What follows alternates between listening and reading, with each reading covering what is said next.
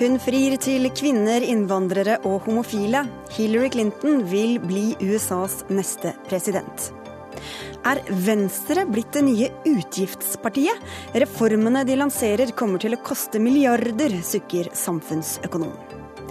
Tre 90 meters høye tårn er løsningen for det nye regjeringskvartalet, mener Snøhetta.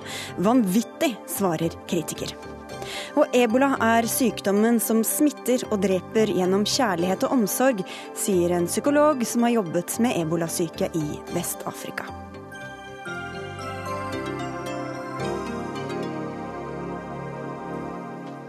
Dette er Dagsnytt 18 i NRK P2 og NRK2, hvor vi også skal minnes Gynter Grass som døde i dag. Mitt navn er Sigrid Solund.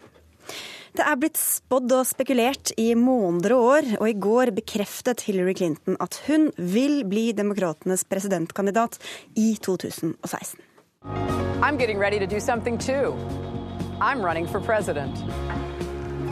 Americans have fought their way back from tough economic times but the deck is still stacked in favor of those at the top. Everyday Americans need a champion, and I want to be that champion. Jeg vil kjempe for vanlige amerikanere, sier Hillary Clinton i den første valgkampvideoen i denne omgang. Og hvordan signaliserer hun det ytterligere gjennom denne filmen, Hilde Restad, du er førsteamanuensis ved Bjørknes høgskole? Det er jo merkbar forskjell fra den kampanjevideoen hun lanserte i 2007, da det var to minutter med Hillary Clinton på en sofa som forklarer hvorfor hun skal bli president, og snakka veldig mye om ulike typer veldig praktisk politikk. Denne videoen handler ikke om Hillary Clinton i det hele tatt. Det handler om, da, som vi hørte, Everyday Americans. Eh, tydelig signal på at hun har tatt hintet om at hun ikke må tro at hun skal arve noe som helst, men hun må gjøre seg fortjent. Og hvem er det hun da prøver å appellere til å identifisere seg med i denne videoen? Her, eh, Interessant nok så bruker hun ordet middelklasse, som har vært veldig populært å bruke i USA, men det her everyday Americans. Eh, dem som kanskje føler at finanskrisa har slått veldig hardt ut, og at man kanskje ikke føler seg helt hjemme lenger i den middelklassen man trodde man, man tilhørte. Eh, så kanskje everyday Americans handler om alle de her amerikanerne som eh, må, vi kanskje ville kalt arbeiderklasse, mm. men som man ikke Man bruker jo ikke det begrepet i USA. Brad Larsen, du er viseformann i Democrats Abroad eh, i Norge. Hvorfor er det så viktig for Clinton å presentere seg som en kvinne av folket? Jeg, jeg, tror um, det har vært spørsmål om skulle hun være uh, kronet, skal, skal, hun komme inn automatisk? Og hun må uh, vise at hun ikke tror det at hun er et menneske og folk. Det er nesten som uh, den videoen var uh, å støtte en populist uh, bevegelse. Mm. Uh, og det er interessant hvem hun har valgt å være i video. Det er en homofil par. Uh, det er uh, eldre, det er yngre. Uh, Hispanics. Hispanics. Mm. Så, så, det er veldig mye jeg vil si det, det vanlige demokratisk, demokratisk basse, Voltermasse. Men i tillegg hun prøver å bygge ut og utvide det. Mm. Og Hvordan slår dette an i USA, Tove Bjørgaas, du er korrespondent der? Eh, den er blitt godt tatt imot, denne videoen, eh, men den er også blitt beskrevet som helt, et helt nødvendig trekk av Hillary Clinton, som det er blitt pekt på i studio allerede. Hun er nødt til nå å, å, å, å skape en ny merkevare. Denne valgkampen må handle om hva hun skal gjøre for andre, ikke hva hun skal gjøre for seg selv. Hun må fortelle hva, hvorfor amerikanerne trenger henne i Det hvite hus. og Det er det hun forsøker å gjøre ved å fokusere også på disse menneskene i videoen, og ikke på seg selv. Hva var det som gikk galt forrige gang i 2008? Det var mange ting. Kom igjen. Eh, hva gikk galt i 2008? Barack Obama gikk galt i 2008. Han kom inn og ødela alt. Eh, det var jo også sånn at man antok i 2006 at Hillary Clinton kom til å bli den neste demokratiske presidentkandidaten. Eh, og så kom det inn en, en, en yngre, mer interessant Eh, demokratisk profil. Eh, og det er klart at det, Da var det litt sånn som Brad sa, da, da ble liksom arverekka forflytta eh, og forstyrra. Men hun får ikke lov nå til å si, som hun sikkert ærlig talt føler, at nå er det i hvert fall min tur. Det må hun unngå å si. Men Tove Bjørgaas, hvordan skiller hun seg fra Obama da, som politisk, hvis det går an å si noe om det nå? Hun har en mindre interessant personlig historie. Eh, altså Hun har vært førstedame, hun har mye erfaring, men hun har ikke denne sterke historien som også andre kandidater på republikansk side kan slå i bordet med eh, i valgkampen som venter. Eh, hun har veldig mye erfaring, men hun appellerer eh, til den gamle basen i Det demokratiske partiet, til de hvite velgerne, til de eldre velgerne, og til disse vippevelgerne, de, altså industriarbeiderne som det ikke er så mange igjen av, men de eldre som, som, kanskje veksler mellom partiene. Men vil ha, ha, det tøffere med å appellere til unge, til svarte, til eh, latinovelgere. Eh, og andre eh, som, eh, som, og Det var derfor jeg tror også den videoen var bygget opp som, som den var. Fordi det finnes også en, en, motstand i hennes eget parti mot henne. Det er mange som har ønsket at en senator som heter Elizabeth Warren burde stille, som er mye mer som Obama politisk og mye mer fremtidsrettet. og Derfor så trengte Hillary Clinton å altså hun, må, hun må på en måte prøve å forklare at hun også kan være fremtidsrettet. Mm. Du heier vel på henne, vil jeg tro, Brad Larsen? Absolutt, jeg kan ikke si noe annet. men, men, ja, er det en fare for at hun kan bli sett på som gammelt nytt? Uh, nei, jeg tror ikke. Jeg tror vi må sette det litt i kontekst. fordi i 2008 det var akkurat etter Bush, og Obama kan komme inn og si en change we can believe in. Uh, etter åtte år med Obama Jeg syns han har fått uh, veldig mye med, uh, gjennom, men selvfølgelig A change we can believe in er ikke så sterk nå som det var uh, åtte år siden. Mm. Så jeg tror egentlig hennes uh, erfaring som førstedame, som uh, senator, som uh, utenriksminister uh, Hun har vært nesten unik, unik i, i valg i 2016, så langt. Um, og jeg syns at hun så, så hun kan spille veldig mye på det. Det er, det er, ikke sikkert at velgerne ser etter like mye endring i 2016 Riktig. som de gjorde i 2008. Det er selvfølgelig et godt ja. poeng. Men det er også et godt poeng at hun er litt kjedelig. Det eneste som er mm. interessant eller nytt eller spesielt ved Hillary Clinton, er jo at hun er dame. Alt det andre er jo, som du sier, gammelt nytt. Eventuelt ekspertise. Men kanskje er det nok, kanskje er det ikke nok. Det er som sagt veldig interessante kandidater på republikansk side. Kom, der, så, mm, kom igjen, Tove. Der, så, er det, så er jo den aller største utfordringen at, at hun, hun hun står for mange av de samme tingene politisk eh, som Obama, og skal altså nå forsøke å bli valgt til en tredje periode for ett og samme parti. Mm. Det har vist seg i amerikansk historie å være veldig vanskelig. Eh, George Bush senior klarte det i 1988, men han er den eneste siden Harry Truman som har klart å overta etter en, en sittende fra det samme partiet for en tredje periode. og Derfor så har hun på en måte mye mot seg nå.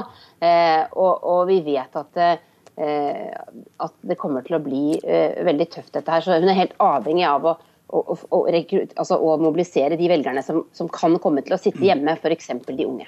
Og så må vi snakke litt om uh, konkurransen hun møter, uh, Hilde Restad. Jeb Bush, broren til George, har meldt seg på i konkurransen, og Marco Rubio lanserer sitt kandidat altså for republikanerne i kveld.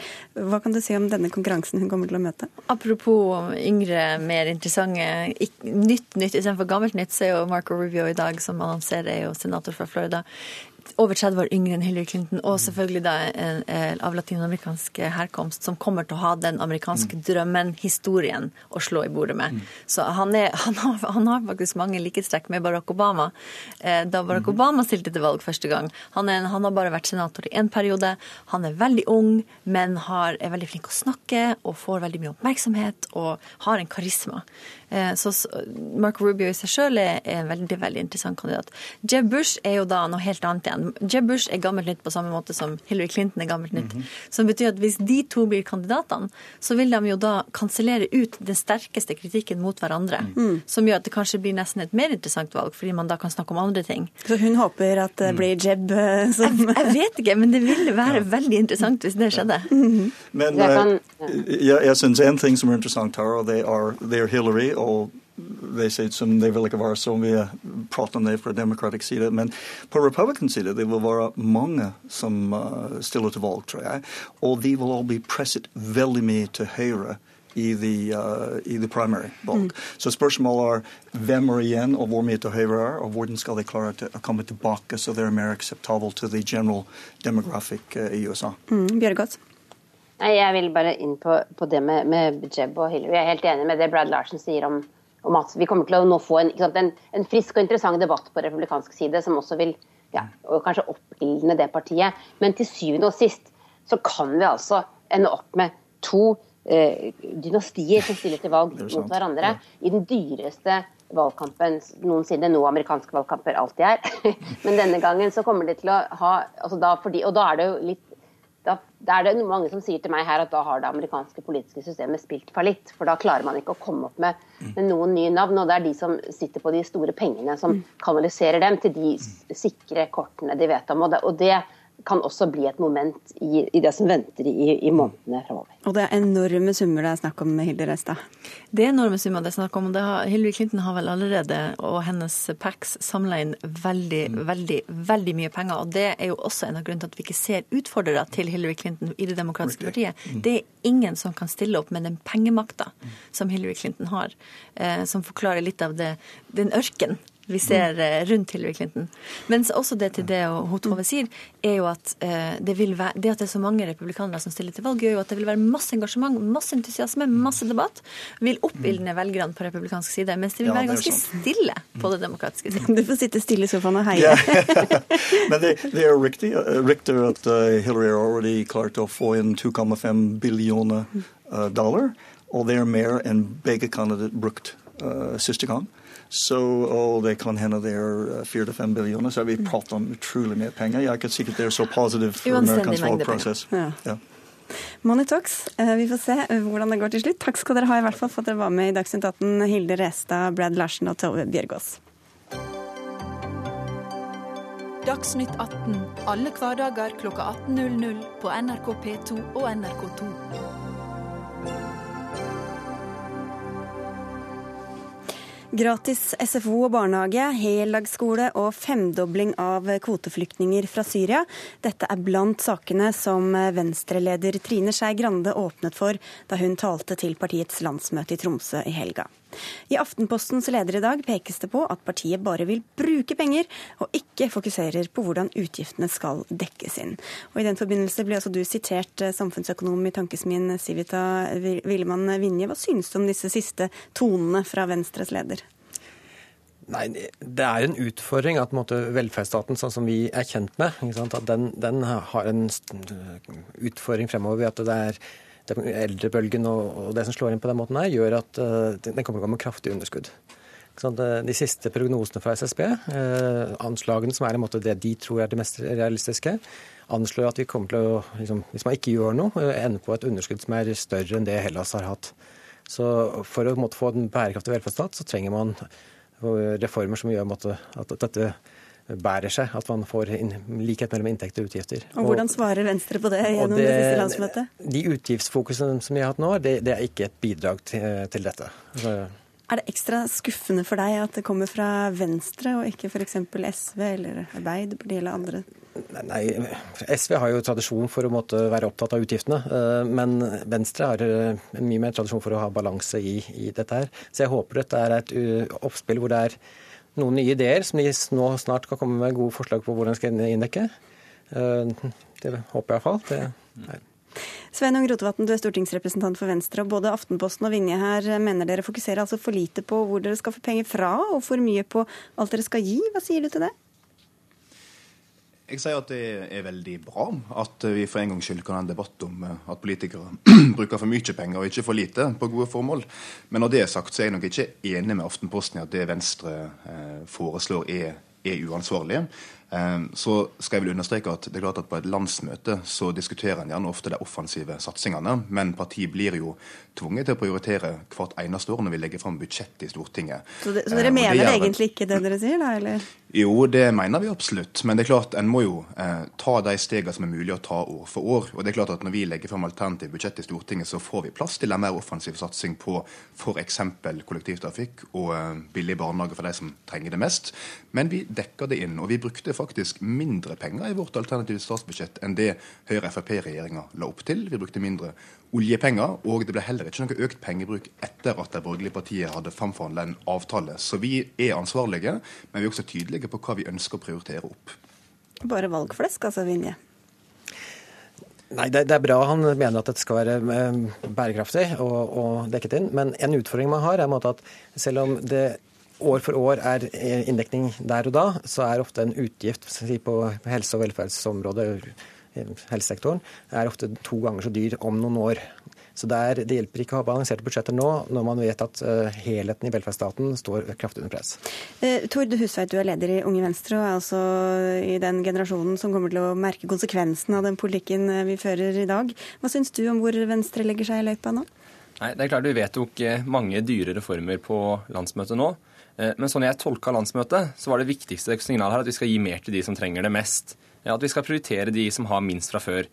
Og da mener jeg at En konsekvens av det må være at vi ikke gir like mye til de som har mye. Eh, I fjor fikk Unge Venstre gjennomslag på landsmøtet for at vi skulle kutte i sykelønn. Eh, da forventer jeg at en del av inndekningen kommer f.eks. der.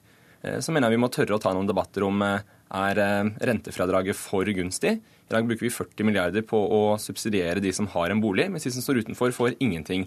Og Der er det en mulighet for å finne en inndekning. Men, men vedtok dere noe sånt da på landsmøtet? Nei, vi, vi, prøvde oss på rentefradraget. Vi fikk det ikke til, men vi har jo fått til sykelønn i fjor. Eh, men jeg tenker at for oss i Unge Venstre så er det viktig at vi ikke påfører neste generasjon enda større utgifter enn det vi allerede har.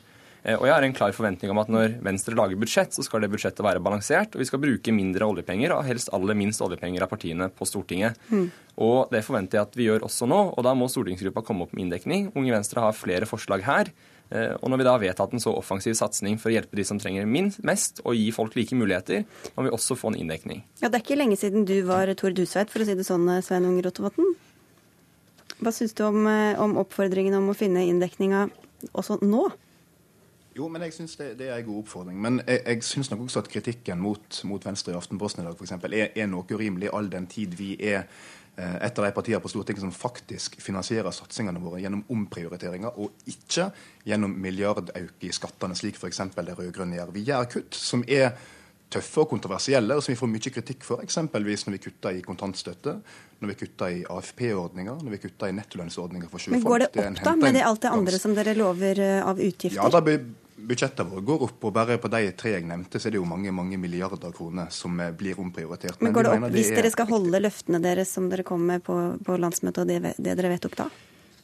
Altså, Den retninga som Trine peker ut i talen sin, det var jo eh, først og fremst et oppspill til neste års landsmøte, når vi skal ha en stor diskusjon om eh, oppvekst, om skole, om barnehage. Eh, og Da antyder hun at vi bør gå i en retning der vi gir flere gratis barnehage. Men det dette handler om, er jo etter mitt syn å sørge for at vi får flere i arbeid gjennom at barn går i barnehage, at flere lykkes på skolen gjennom å gå i barnehage. Og det er jo en investering, etter mitt syn. Så skal vi ta det stegvis og sørge for at vi ikke bruker for mye penger i det enkelte år. Det gjør vi i budsjetter vi vedtar eh, hver eneste høst. Og det skal ikke være tvil om at Venstre har ansvarlige rammer for det vi gjør. Og så tror jeg det er veldig bra at Unge Venstre og Aftenposten og Civita og andre eh, dytter oss i det jeg vil si er riktig retning, nemlig en større bevissthet rundt eh, kostnadsbruken på Stortinget. Går det opp, eh, tror du, William Vinje? Det skal bli veldig spennende å se. Eh, vi har en tradisjon for å ha veldig romslige budsjetter. Vi har sånn typisk Et normalt budsjettår så har politikerne hatt 10 milliarder kroner ekstra gratis. Nye penger som de kan bruke på hva enn de vil. Eh, fram til nå så har veldig mye, eller så å si alt gått til, til velferdsområdet, og så har noe gått til skatteletter når det har borgerlige regjeringer. Eh, fremover så blir det Alt som skal loves bort, må dekkes inn. Det blir en annen, annen mye strammere virkelighet. Eh, så, det blir et taktskifte når politikerne må også si hvor de skal ta pengene fra. Eh, noe de fram til nå har sluppet. Men nå kommer det jo med noen eh, forslag fra Unge Venstre, og Sveinung Rotevatn velger noen. Blir det, blir det nok? Ja, Hvis man velger å, å, å også vise inndekning, så kommer man langt på vei. Tar man sykelønnen f.eks. Og, og, og lager den mer lik sånn som ordningen er for uføretrygd eller arbeidsløshet, så, så har man finansiert ganske mange velferdsutgifter. Mm, men dere har ikke gjort det riktig ennå da, Rotevatn? Um, Venstre er det eneste partiet på Stortinget som har programfesta at vi uh, har lyst til å se på sykelønnsordninga. Uh, men det er klart det er en stykke å gå før vi har uh, flertall for det. Men for oss handler det primært om å sørge for at flere er i jobb og ikke står utenfor arbeidslivet. Men jeg vil jo si at av alle de tingene landsmøtet gjorde i helga, så er kanskje det aller mest ansvarlige en gjorde, nemlig å gå inn og se på endringene i skatteregimet for oljenæringa, der vi ser at staten skal ta en mindre del av risikoen, som blir større og større gjennom ulønnsomme oljefelt. Det er viktig for å sørge for at vi har ansvarlighet rundt offentlige finanser i åra framover. Da risikerer dere også mindre skatteinntekter fra oljenæringa ved neste korsvei, da? Jo, men Vi er på full vei inn i det grønne skiftet nå. Eh, og du ser jo allerede hva konsekvenser det får at Norge ikke har vært offensive nok på det å satse på fornybar energi, på det å omstille næringslivet. En del av det siste vi skal gjøre, handler jo om å gjøre skatteendringer, slik at det lønner seg mer å investere i bedrifter, i ny teknologi. Men da må vi også være villige til å si at vi tar en mindre risiko eh, i det som er garantert ulønnsomme investeringer i en del marginale oljefelt. Så det mener jeg er en ansvarlig og fornuftig prioritering. Og Hvis du skal kline til litt, eh, Hustveit, hvor mener du de må virkelig kutte nå da, ved neste budsjettkorsvei? Nei, Jeg tror eh, vi skal ta et kutt i sykelønna, gjøre den mer eh, lik de andre velferdsordningene vi har. Og så håper jeg vi kan se litt på rentefradraget. Hva tror du, Vinje? Har du noen råd med på veien? Nei, Det er to, to endringer som jeg også har pekt på. Så jeg, det er en god start hvis man eh, velger å gjøre dette. Du får ta det med deg, Sveinung Rotevatn, og takk for at du var med i Dagsnytt 18. Og takk også til dere, Villemann Vinje fra Civita og Tord Hustveit fra Unge Venstre.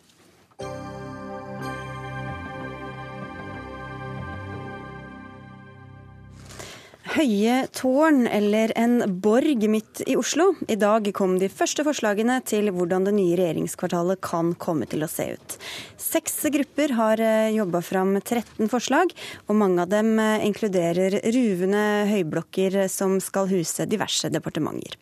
Et av forslagene kommer fra dere i Snøhetta og inkluderer tre hus som er dobbelt så høye som høyblokka som står der i dag. Kjetil Tredal Thorsen, du er seniorpartner i eh, Snøhetta. Kan du beskrive hvordan dere ser for dere det nye regjeringskvartalet? Ja, altså Et regjeringskvartal er jo en byfunksjon. Og når du har en hovedstad som Oslo, så er det viktig at eh, regjeringskvartalet befinner seg midt i Oslo, der hvor folk er. Og når det først er bestemt, som jeg syns egentlig er et utgangspunkt som er helt fabelaktig, så gjelder det å få knytta dette regjeringskvartalet til byen, på tross av alle de sikkerhetstiltakene som en ønsker å ta i forbindelse med etableringen av et regjeringskvartal. Og Da er det å finne et, eh, et mål eller en strategi for hvordan du kan knytte et regjeringskvartal opp til byen. Og Da har dere bl.a. valgt å gå i høyden. Og i bredden. Mm. Høyt og bredt. Ja. Eh, Ola Fjellheim, du er generalsekretær i Fortidsminneforeninga. Hva synes du om forslaget fra Snøhetta? Nei, vi, eh, jeg vet ikke om jeg har lyst til å altså, diskutere ett og ett forslag. Det vi har sett på i dag, har jo vært å sett på seks forslag fra arkitektkontorene og ett fra AHO-studentene. Og vi tenker jo at i utgangspunktet har fått en umulig oppgave. Altså det å klemme inn så mange kvadratmeter kontorplass på det lille arealet som regjeringskvartalet utgjør, tenker vi i utgangspunktet er en umulig oppgave. Og eh, det er veldig mye bra i mange av eh, forslagene. Et eh, par ting ved Snøhetas utkast som jeg liker veldig godt. Men eh, samtidig så har alle de seks såpass store svakheter at vi mener at dette her er, eh, bør man revurdere med en gang. Hva syns du om de høye husene som Snøhetta setter ned der, da? Altså, um, Av de seks forslagene så er jo en del av de enten for voldsomme i høyden, eller der hvor man har prøvd å holde det flatt, så blir det jo en, nesten en festning sånn som vi vurderer det. Så vi mener jo at konsekvensene for byen generelt sett er for store til at man bør gå videre med ideene. Men når det er sagt, så, så er det klart at skal man ha et ordentlig høyhus eller to et eller annet sted i Oslo, så, det, så er det riktig at det er knytta til en regjeringsfunksjon. Så absolutt. Så det er en god, eh, god idé. Men hvorfor vil dere ha bygg som bokstavelig talt setter den nåværende høyblokka i skyggen? Vil ikke det. Det er jo derfor det er plassert som de er. Sånn at Når en plasserer uh, funksjoner inn i en bysammenheng sånn som denne, og funksjonen krever i første byggetrinn 115 000 kvadrat, som ikke er veldig, veldig mye Vi hadde samme oppfatning som Fortidsminneforeningen når vi satte i gang med oppgaven. Og plutselig, etter hvert som du knar dette som arkitekt, uh, profesjonelt, går gjennom og ser det, så oppdager du at det faktisk stresset på selve tomta, altså belastningen bygningsmessig på tomta, er ikke så vesentlig. Og det du da opp oppnår ved å åpne opp arealet på en ny måte, er at du kan få helt CO2-negative bygg ved å bruke avstand på dette. Og Hvis en skal bygge nytt i Oslo sentrum i dag, så må en ha en type energibygg som takler uh, alt fra byggeenergi, uh, uh, transport, håndtering av drifting, håndteringen av energiforbruket generelt sett, og hele livsløpet, inklusive det å bygge det ned igjen. Og det, det, er jo en av de fordelene en har ved nybygg, at det er mulig i dag å komme dit. Eh, og så er det veldig begrensende å snakke om høyde, bare. Høyde er bare en liten del av et stort arkitekturgrep. Og det bakkeplanet egentlig en burde være veldig opptatt av, for det er der folk beveger seg. Veldig få i Norge som har noe spesiell interesse av å sveve 40 meter eller 60 meter over bakken. Så at I utgangspunktet så handler dette virkelig om folkeaktivitet på bakkeplan. Hvilke butikker er det du har, hvilke type byliv er det du har, hvilke plasser er det du har, hvilke parker er det du har. Der hvor en beveger seg i øyenhøyde, mm. der er det tyngden skal legges. Wilhelm? Ja, um, det er jo riktig. Det er jo det som er vårt utgangspunkt også. Hvordan vil det her få Oslo by til å fungere? Og Der eh, ser vi vel at de store volumene vil skape en del uheldige effekter på bakken, mener vi. Pluss at det vil skape en del altså Det bryter skalaen i byen ganske voldsomt. Eh, skal man gjøre det noe sted, så skal man nok gjøre det der, men vi mener at det gjør det for mye. Og så er jo når vi ser på de sju, eh, sju forslagene, så, så, har vi våre vurderinger at arkitekthøgskolene sine egentlig fungerer veldig godt. Det er de som ikke har tatt hensyn til hvor mange kvadratmeter de må Ja, og De har nemlig holdt seg til 115 fordelt på hele arealet, mens de andre da har Og latt Y-blokka stå. Ja, og latt ja. Y-blokka stå. Det er jo det andre barnet våre som vi også gjerne vil si litt om, men når vi snakker om volum, så, så, tenker vi at ok, 115 000 kvadratmeter, det fungerer godt, og det vil kunne få Oslo til å fungere uten at det blir en festning, sånn som Fabian Stang er bekymra for. Ja, det er helt. Men går man opp i 200, så, så blir det vanskelig, ja. mener vi. Men uh, opptil 200 er først tenkt i 2063. Så det er egentlig uh, i realbehandlingen av utvidelsene og byggingen av nytt uh, anlegg nå, så er det 115 000 kvadratmeter jeg snakker om, uten at vi skal bli altfor mm. spesifikke på det, for de blir for detaljert. Men, men, det er klart, dette er viktig for Oslo by.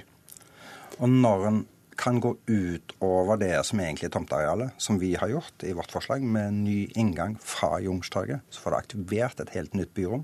Kortere avstand til Oslo S. Du får kjørt opp tilknytningen mellom publikum, Folketeaterpassasjen, en ny regjeringspassasje og en skog som du ellers ikke ville ha plass til. Jeg skjønner. Men altså, det er jo makta som skal sitte der. Eh, hvorfor vil dere på en måte understreke det ved å lage de byggene dere har laget, som også fjerner det fra folket på bakkeplanet eh, og bygge opp makta på den måten eh, under det Men, uttrykket? Jeg vet ikke, jeg skjemmes ikke så mye over regjeringen som jeg skjemmes over det at de har snuspakken i lommen, for å si det sånn. Sånn at i utgangspunktet så blir det helt nødvendig å vise fram hvordan vår demokratiske struktur er bygd opp. Det er det som gjør Oslo til en hovedstad.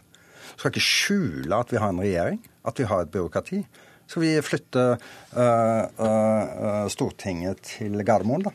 Eller kanskje til og med flytte regjeringskvartalet til Gardermoen.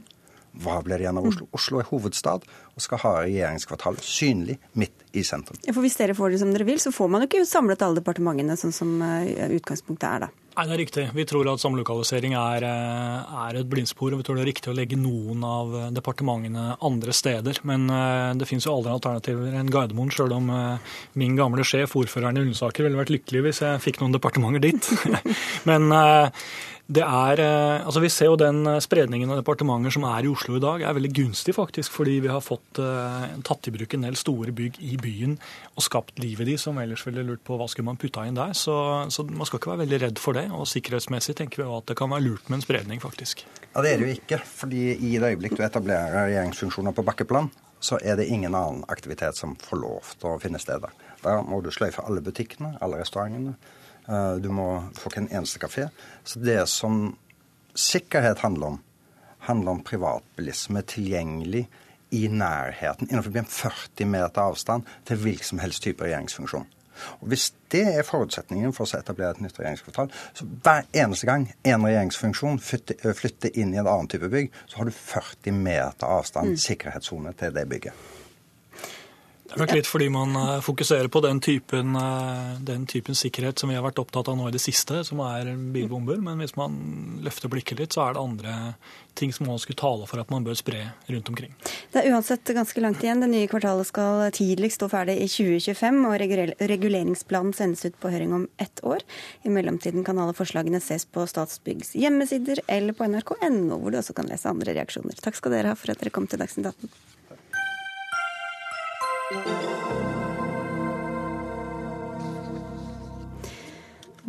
som må rives løs fra en syk mor eller far pga. smittefare, men som selv dør bare dager senere.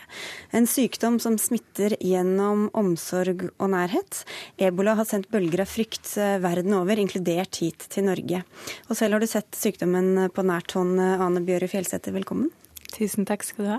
Du er psykolog og har jobbet med ebola som feltarbeider for Leger uten grenser i Liberia og i Sierra Leone. Og nå har du skrevet boka 'De uberørbare' om erfaringene dine derfra. Aller først ber du leserne vise omsorg med alle pasientene og pårørende som du skriver om, for de deler sine mørkeste øyeblikk med oss, skriver du. Hvorfor ber du leserne om det? Det er et veldig delikat tema. Sant? Det er på en måte jeg har fått vært nært folk som, som, venter på å dø, eller som er redd for å dø. Eh, Det, det, blir nesten ikke nærmere enn det. Det er ganske Det er sårbare saker, da. Mm. Um, og så hadde jeg lyst til å vise frem det, vise frem den sårbarheten. Jeg synes av og til at Når vi snakker om ebola, at det blir veldig sånn katastrofeprega.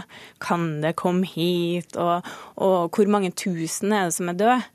Mens at for meg så er det jo egentlig de små historiene og den uh, store ensomheten som uh, kommer i isolasjonsbehandling. Mm. Så det å være atskilt fra, fra, sine aller nærmeste og dem man er aller mest glad i, på et tidspunkt der du er veldig syk og veldig sårbar, det er det jeg har lyst til å fortelle om. Mm. Og du var altså først i Sierra Leone i juni i fjor, og så i Liberia to måneder eh, senere. Og det er mange ulikheter som du skriver om mellom de to oppholdene, men noe er likt selve vesenet, ebolas vesen. Og du skriver om hvordan det hemmelige våpenet er kjærlighet. Hva mener du med det? Det jeg mener med det, er at det trengs mye nærhet for å smittes av ebola.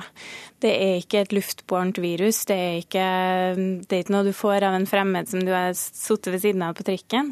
Det er stort sett noe du får gjennom en veldig, veldig nær kontakt med et sykt menneske. Sånn at vanligvis så er det den som pleier deg når du er syk, som, som du overfører sykdommen til. Eh, og det er jo vanligvis en av de menneskene som bryr seg aller mest om deg i hele verden. Mm. Og hvilke reaksjoner har du sett på at en som du er veldig glad i, kanskje ditt eget barn, plutselig er å betrakte som nærmest et biologisk våpen som du må holde deg unna? Jeg tror jeg har sett nesten hele spekteret. Altså alt fra Alt fra folk som ikke klarer eh, den eh, forhåndsregelen, og som fortsetter å være nær hverandre, og som ikke eh, finner seg i at eh, de, altså, de må bare ta den risikoen. Um, til andre som eh, Vi har jo også opplevd at folk bare overlater ungene sine til oss, og så setter de igjen på sykehustrappa og, og forsvinner. Mm. Um, så, så, det er ja, ganske stor variasjon. Mm. Og når noen er smitta, er jo altså eh, adskillelse og isolasjon det eneste riktige å gjøre. Men samtidig er, hvis du først får smitten, så er det altså så dødelig at eh, en brå avskjed på et feltsykehus kan bli det siste du ser av det mennesket som du må forlate. Det er sant. Eh, og det har vært veldig vondt. Smittevernet gjør jo at folk har blitt veldig forstyrra i sorgen sin. Fordi at det er ikke alltid at uh, Særlig i Liberia så har jo kremasjon vært uh, en av uh, tiltakene for å hindre spredning av ebola. Um, det gjør at folk ikke har et sted å komme for å minnes sin kjære. De har ikke en grav å gå til. Mm. det er veldig, veldig forstyrrende. For det var også måten man kunne hindre smitte på. Altså du er veldig smittsom etter at, etter at du er død. Eh, og de har eh, rutiner med å pleie og være nær de som er, de som er døde. Og det var mm. noe av det dere måtte si at det, det, får du ikke lov til. Hvordan var det både for dere og også for de lokale helsearbeiderne som kjente godt til disse skikkene? Jeg syns det var fryktelig vanskelig. Jeg syns at det um, For meg da, som psykolog, som er veldig vant til um, Altså, vi vet jo at sorgprosessen letnes av de her ritualene og skikkene som vi har eh, for hvordan vi forholder oss til døden. Og når du skal si det til folk at eh, det får du ikke holde på med, du får ikke lov til å se din eh, ektemann f.eks. Som, som har dødd her på sykehuset det kjennes ganske umenneskelig. Det kjennes som en veldig vond eh, og veldig inngripende ting å skulle gjøre. Mm. Um, og I tillegg så så vi jo det at de som drev med likhåndtering, altså de som, som visste at dette var jobben deres, de var ofte veldig skamfulle over uh, å måtte påføre sine naboer eller sine landsby, ja, sine slektninger denne, uh, denne kunnskapen. At du mm. får ikke lov til å se din datter en siste gang, liksom. Og så er det altså høy dødelighet, og det smitter jo da internt i familien. Hvordan takler folk det hvis de mot alle odds overlever, mens alle andre rundt dem dør? Kanskje til og med smitta av dem selv? Um, ja, det gjenstår jo å se, egentlig. Det som vi ser, er at blant mange av de overlevende eh, så blir det et veldig sterkt samhold. Og at de eh, Vi så veldig ofte at folk som hadde overlevd ebola, kom tilbake til sykehuset med sånne svære piknikkurver og skulle gi mat til alle medpasientene som fortsatt var dårlige. Jeg tror at de overlevende er veldig opptatt av eh, å finne samhold med andre som har vært i samme situasjon. Men det er klart at det blir aldri lett. da. Du, når det er snakk om en dødelighet på 90% så er det jo Det betyr det jo at hvis du er den ene som overlever, så, så er det ni stykker da som du har fulgt til grava. Mm. Eh, så sorgen er enorm. For dere som var hjelpearbeidere, var det også ekstrem sikkerhet med drakter og avstand og klorbad. Hva gjorde det for deg å ikke kunne ha noe fysisk i nærhet eh, eller kontakt? Du kunne ikke engang gni deg i øynene uten å tenke på at du kunne bli smitta av noe du blir veldig redd for dine egne hender. For du vet at det er det som er på en måte det skumleste. da. Eh, skrekken er at du har uforvarende tatt på et eller annet, og så um, pirker du deg i tennene for at du sitter fast med mat eller et eller annet, og så plutselig så har du fått viruset i deg. Eh, men verre enn det å bli redd for sin egen kropp, det er jo det å og ikke kunne gi en klem til en kollega, ikke kunne um, Ja, det å leve en måned uten fysisk berøring, annet enn gjennom de der eh, plastlagene. Eh, det blir en opplevelse jeg ikke glemmer så lett. Det var, jeg syns det var veldig rart. Og du kunne heller ikke ta noen på fanget og gi, stryke noen på kinnet eller gi dem en klem barn som hadde mista moren og faren sin og kanskje var helt alene i verden? Nei, det er veldig Jeg hadde en opplevelse der eh, det var ei lita jente som kom bort og tok hånda mi for at jeg så i en annen retning. Jeg passa ikke på hånda mi. Uh, og så tenkte jeg Så husker jeg at jeg tenkte med meg sjøl, for jeg visste at hun var en høyrisikokontakt, så hun kunne være smitta av ebola. Så husker jeg at jeg tenkte med meg sjøl at hvis det her er et øyeblikk som jeg risikerer livet mitt for, så skal det i hvert fall få lov til å vare så lenge som mulig. Uh, så i stedet for å slippe hånda hennes, så sto du og holdt den? Jeg sto og holdt den helt til hun slapp meg og ble opptatt av noe annet. Uh, og det kjentes veldig godt. Og så, jeg, og så setter jo panikken inn, og så er det bare å springe bort og klorvaske deg opp til albuen. sant? Hvordan går det med kampen mot ebola nå, da? Uh, det går veldig mye bedre enn det det gjorde på det verste da jeg skrev boka mi. Det er samtidig vanskelig å bli helt kvitt det.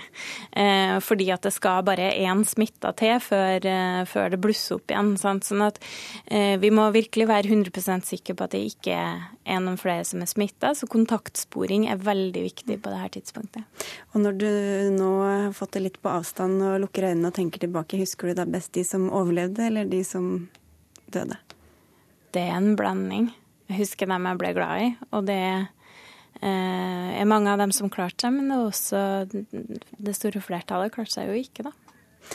Tusen takk i hvert fall for at du kom til Dagsnytt 18, Anne Bjøre Fjellsetter, som altså har skrevet boka om eh, ebola og kampen mot den. Takk skal du ha. Takk for meg. Hør Dagsnytt 18 når du vil. Radio NRK Radio.nrk.no.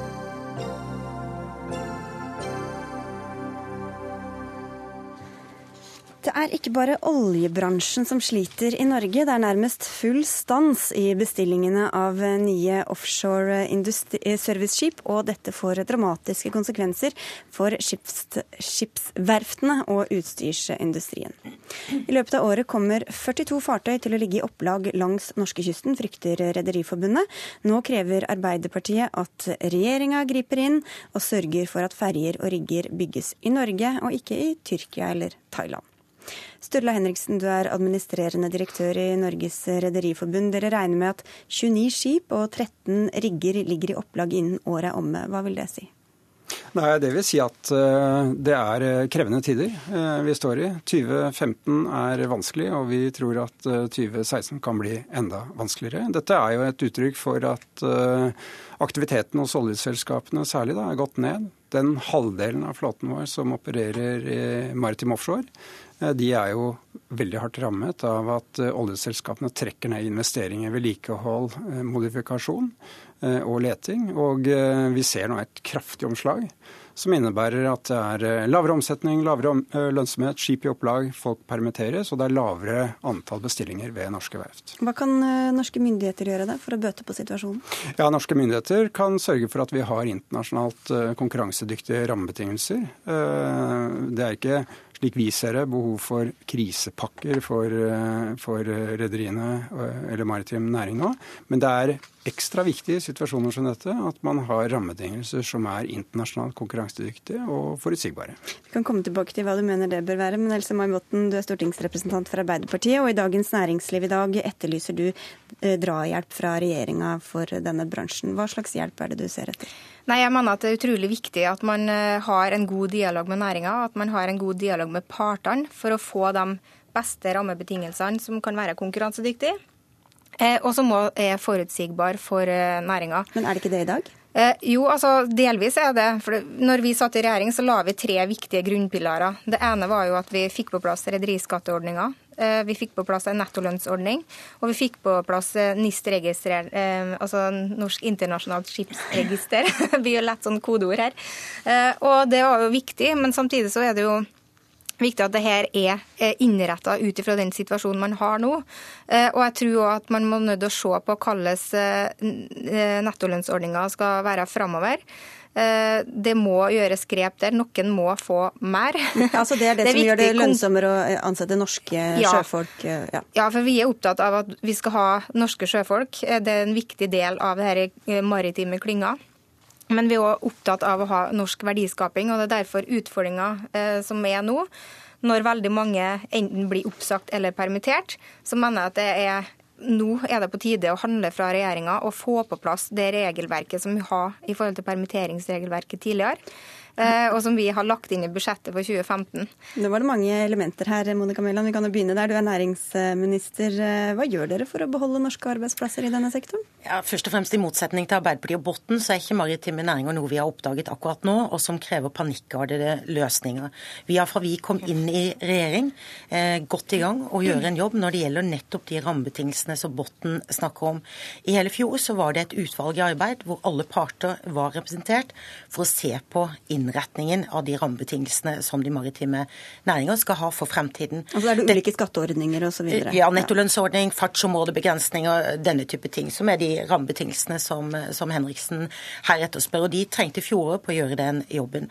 Samtidig så reiste jeg land og stand rundt, møtte alle deler av næringen.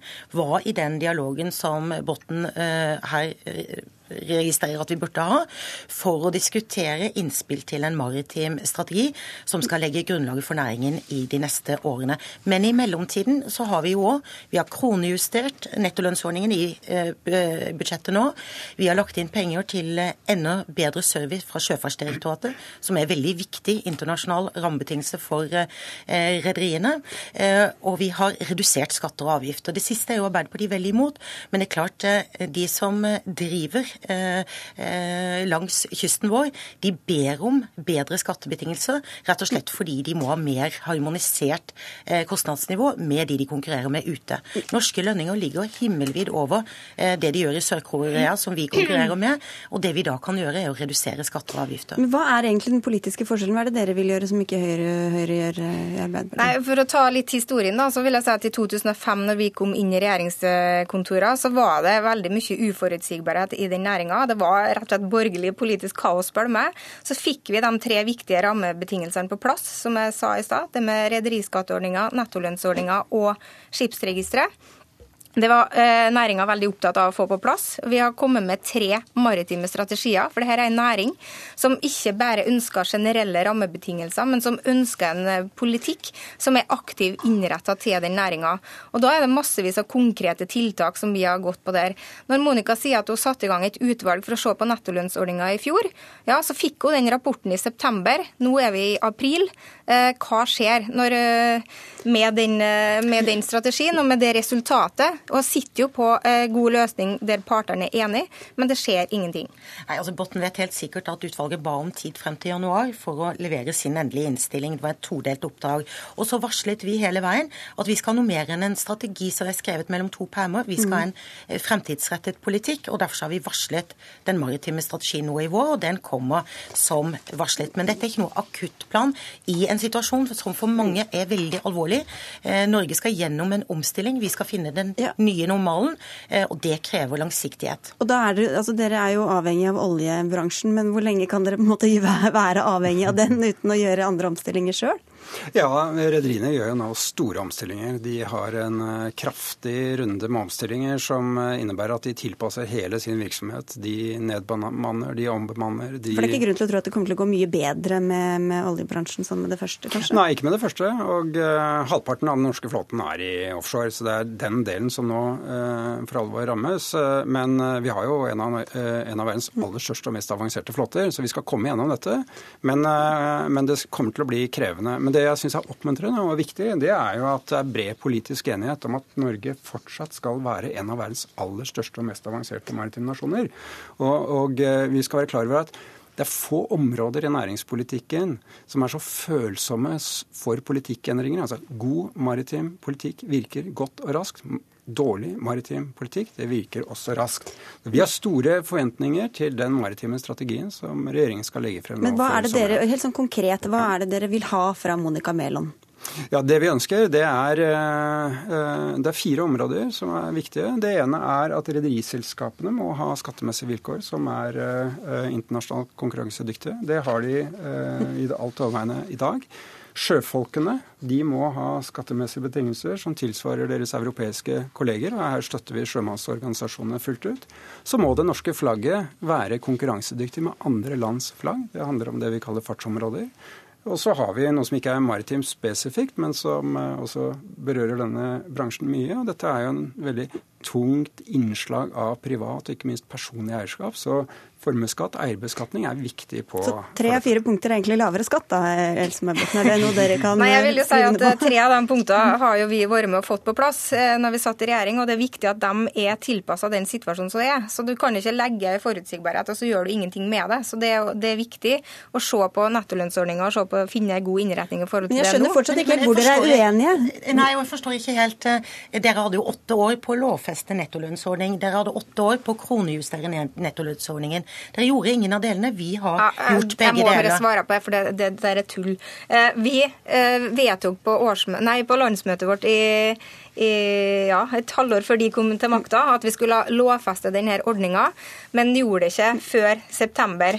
Monica sitter i ett og et halvt år og, og kunne ha styrt skuta i din retning, men du har ikke gjort men det. Men krangler dere nå om hvem som gjør ting seinest? Er dere egentlig helt enig i virkemidlene? Jeg er, er sånn bekymra i forhold til den situasjonen vi ser nå. Altfor mange skip blir liggende i opplag. Folk, altså Sjøfolk må gå på land. Jeg er redd for at de ikke kommer ut av det. Er du enig i oppskriften fra Rederiforbundet, da? Eh, I masse av det så er jeg enig. Bortsett fra formuesskatten? Ja. Men jeg, men, jeg, men jeg, er veldig interessert i å se på innretninga i forhold til skattenivået. Eh, og en rettferdig skatt skal eh, føles både fra eier og arbeidstaker. Men da har vi Scheel-utvalget som ligger der nå og kommer til å bli en viktig diskusjon.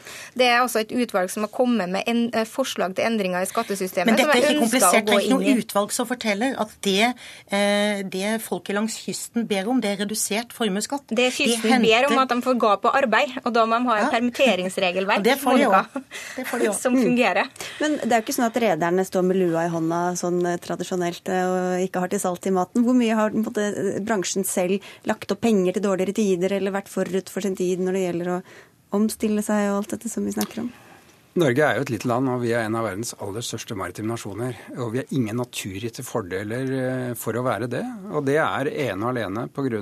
at vi har innovasjon, vi har en maritim kompetanse, vi har et maritimt miljø som er helt i, eh, uten sidestykke i verden. Og Det er jo den omstillingen eh, som har gjort at eh, vi gjennom generasjoner har utviklet oss. Og vi er større i dag enn noen gang i forrige århundre.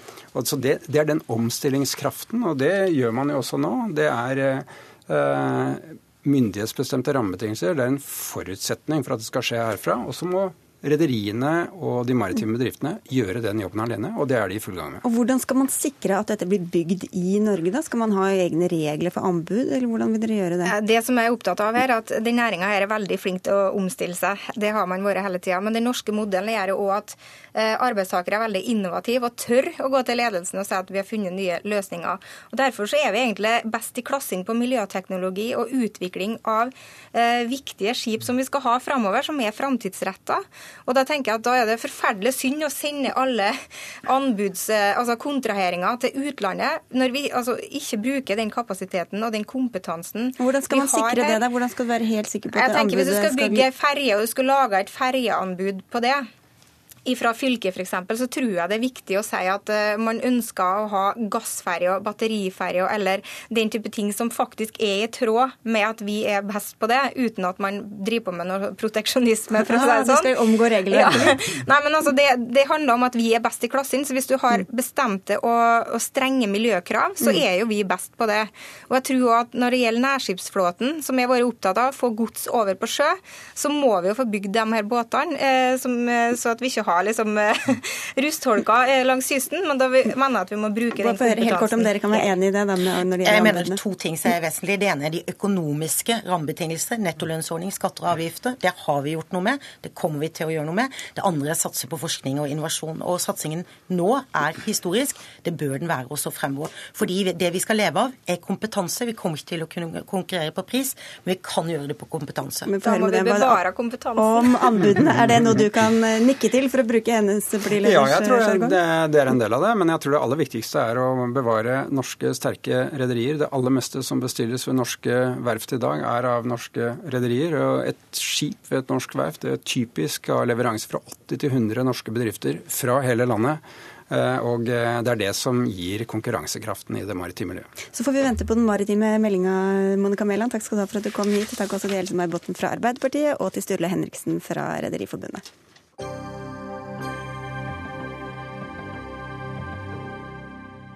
Den tyske forfatteren og nobelprisvinneren Günter Grass døde i dag 87 år gammel. Grass ble født i Danzig, nå Gdansk, i dagens Polen. I flere av romanene hans er handlinga også lagt dit. Det gjelder bl.a. debutromanen 'Blikktrommen' fra 1959. Grass har gjennom hele forfatterskapet markert seg som en av krigsgenerasjonens tydeligste stemmer i Tyskland. Og Knut Hoem, du er litteraturkritiker her i NRK. Han var en av de største forfatterne i Europa noensinne, skriver du. Hva gjorde han til det? Ja, Det er ikke fordi at han skrev perfekte romaner, for det gjorde han ikke. Eh, Sjøl 'Blikktrommen' var kanskje litt for lang. Men han skrev helt perfekte metaforer. altså Han skrev nyskapende bilder. altså 'Blikktrommen' f.eks. er ikke bare en blikktromme, det er egentlig en roman. Og hvis du trommer på blikktrommen, så maner du fortiden tilbake. Det var det dvergen drev med i blikktrommen. Så det gjør han til eh, på det å skape djerve metaforer om de mest vanvittige ting. Om det, var, det kan være rotter, det kunne være hunder, det kunne være katter. Det var det, det, sopp. Det var ikke grenser for hva det var han fant verdig å få inn i litteraturen. Eh, det var den ene siden av han, men så var han jo politisk, eh, et politisk dyr av dimensjoner. Han var ikke det i begynnelsen, men han ble det da han ble forelsket i Det sosialdemokratiske partiet og Willy Brandt på 60-tallet og har jo hatt en evne til å skjære inn i offentligheten som ingen andre jeg vet om har hatt. Men hvilke reaksjoner skapte det da Blikktrommen kom i sin tid? Da var han på et møte i det som het Gruppe 47, som var liksom den litterære gjengen den gangen. Og han leste to kapitler, 31 år gammel. Og han hadde fire-fem forlag på nakken med en eneste gang. Og han ble jo en verdenssuksess, en europeisk suksess, som alle kollegene måtte jo forholde seg til en mann med hvalrossbart gjennom hele etterkrigstiden, som hadde et gjennomslag og en evne til å fortrylle folk overalt, som ingen av de andre hadde i samme grad. Espen Håvardsholm, du er også forfatter. Hva har du blitt mest fascinert av ved forfatterskapet til Gynter? Nei, det, det begynte med blikktrommen. For, for, alle oss som, som uh, var unge lesere på 60-tallet, så ble vi helt betatt av den romanen. For den var helt rå. Uh, det var uh, Altså, det, en, en kombinasjon av å fortelle og fabulere og rå realisme og den mest fantastiske metaforer og historier som jeg tror at den romanen foregrep altså Seinere så ble liksom den latinamerikanske magiske realismen sett på som noe helt nytt, men, men mye av det fins allerede der i blikktrommen. Men på en litt sånn skitnere måte kanskje enn det vi fikk fra Latin-Amerika? Ja, det kan du si. Ja. Eh, hvor viktig var han sånn politisk, da, vil du si, for det, for det din generasjon av forfattere? Nei, altså i min generasjon, mange av oss gikk jo da og ble veldig revolusjonære og sånt, mens da det er to store, moderne europeiske forfattere som, som ble radikale sosialdemokrater, og det var Per Olav Enquist i Sverige og Günter Grass i Vest-Tyskland. Og jeg tror de har vært veldig viktige, fordi at i en periode hvor på en måte litteraturen og folk flest har kanskje drevet litt fra hverandre, så har de vært et slags bånd mellom eh, ja, de store tingene som skjer i samtiden, de avgjørende tingene som skjer i samtiden, og forfatterstemmer. Sånn var det jo veldig mye på Ibsens og Bjørnsons tid, men i det 20. århundre har det vært mer sjeldent. Men så ble det ofte litt sånn oppstyr rundt ham altså Hoem. Hvorfor det? Han hadde nevne til å kritisere på en litt overraskende måte. Altså F.eks. nå sist Pegida i Dresden så var han selvfølgelig veldig mot den islamskritiske bevegelsen. Men han kritiserte ikke Pegida. Han begynte å kritisere regjeringen fordi han mente at politisk lobbyisme var et mye større problem enn eh, islam i Tyskland. Så det er denne evnen til å på en måte gå overraskende inn. Og nå er det jo to år siden det var påske, og han skrev det diktet som het 'Vaske sagt verden mos', det som må sies, der han kritiserte at Tyskland solgte deler til atomvåpen til Israel. Mm. Nok en gang, da ble han beskyldt for å være antisemitt, noe som jo var helt absurd. Men han har alltid hatt veldig sterke og mektige fiender. Hvilke deler av forfatterskapet vil du trekke frem, da, unntatt Blikktrommen? Nei, Da vil jeg trekke frem f.eks. Eh, hans loggbok over valgkampen til Willy Brandt, som han skrev som et Av en snegls dagbok. Da En snegl er selvfølgelig ikke bare en snegl, det er sosialdemokratiet som beveger seg veldig langsomt fremover som en snegl. Det er Knausgård anno 1973 i Grass sin versjon. Det er en skilsmisseroman. Det er, han kjører rundt i folkevognbuss gjennom Vest-Tyskland, får et sånt sosialdemokratisk velgerinitiativ. Så er det jo I krabbegang fra 2003, som var en fantastisk roman om eh, flyktninger som druknet på et skip, som tok den tyske lidelsen under krigen. Og en lang historie som handler om den tyske gjenforeningen, for å nevne tre. Du må fortelle, Espen Håvardsson, fra en tur du var på i sommeren 1981. En solidaritetstur til Gdansk. Du reiste i Blikktrommens fotspor. Fortell litt om den. Ja, nei, det var altså Vi feiret Dag Solstads 40-årsdag i Gdansk. Eh, og det var eh, En av høydepunktene var da vi besøkte det polske posthuset, hvor på en måte Altså, En annen verdenskrig bryter jo ut med at eh, tyskerne bryter seg inn i Polen. Uh, og den eneste virkelige motstanden som var i hvert fall der i Nordpolen, det var i, omkring posthuset. Altså Andre steder i verden så er det liksom kanskje radio- og fjernsynshus eller regjeringsbygget eller sånn de slåss, men, her, men, i Gdansk så var det altså posthuset. De skulle forsvare frimerkene sine. Og det er fortsatt, eller var da, den gangen sommeren 1981, så var det fortsatt så hellig for dem uh, at de hadde ytt nazistene motstand der at du måtte ta av deg på beina for å gå inn i det museet. det gjorde dere? Ja, det gjorde vi. Det var en veldig vakker opplevelse. For alle som kanskje har lest Blikktrommen en gang, og så blei det med det, hva vil dere anbefale lytterne som vil hedre Gynter Grass i dag? Nei, jeg syns også altså at hans selvbiografi, eh, 'Når løken skrelles', som jo lagde stor skandale fordi at det kommer fram at han som tenåring er SS-soldat, som han har holdt tilbake tidligere, eh, det, den syns jeg også er veldig god. Den, den forteller bl.a. på en veldig flott måte om hvordan denne, denne da, etter det tyske sammenbruddet, helt i lusete eh, så, så, har denne unge gutten idé om at han skal bli kunstner, så han oppsøker en kunsthistoriker, og kunsthistorikeren han, han eh, har et skilt på porten for kunstskolen sitt, stengt pga. kullmangel, og sier at nei, du får gå til arbeidskontoret og få deg jobb som å inngravere sånne grav, gravstøtter. Og så kan du komme tilbake hit om to år, og da har, du, da har vi kanskje fått kull også. Det syns jeg er en flott historie. Og du, Knut Johan? Det er mange steder å, eh, å gå inn her. Han, eh, han, er også en veldig flott poet. Det kom en liten bok som han skrev til barnebarna sine, som het 'Småsaker for ikke-lesere' som er full av små dikt, eh, med akvareller til. Han var en fantastisk akvarellmaler. Han fant opp en sjanger som han kalte for akvadikt, som en blanding av akvarell og poesi. Men da må du dypt ned på antikvariatene for å finne den, Sigrid Solund. Jeg får ringe rundt, da. Ja, du får gjøre det. Da fikk vi to alternativer her. Tusen takk skal dere ha begge to for at dere kom eh, og delte med oss i Dagsnytt 18. Espen Håvardsholm og Knut eh, Hoem. Dagsnytt 18 er jo over for i dag. Vi er tilbake i morgen til samme tid. Det var eh, Ida Tune Øretsland som hadde ansvaret for innholdet. Teknisk ansvarlig Frode Thorshaug og i studio Sigrid Elise Solund.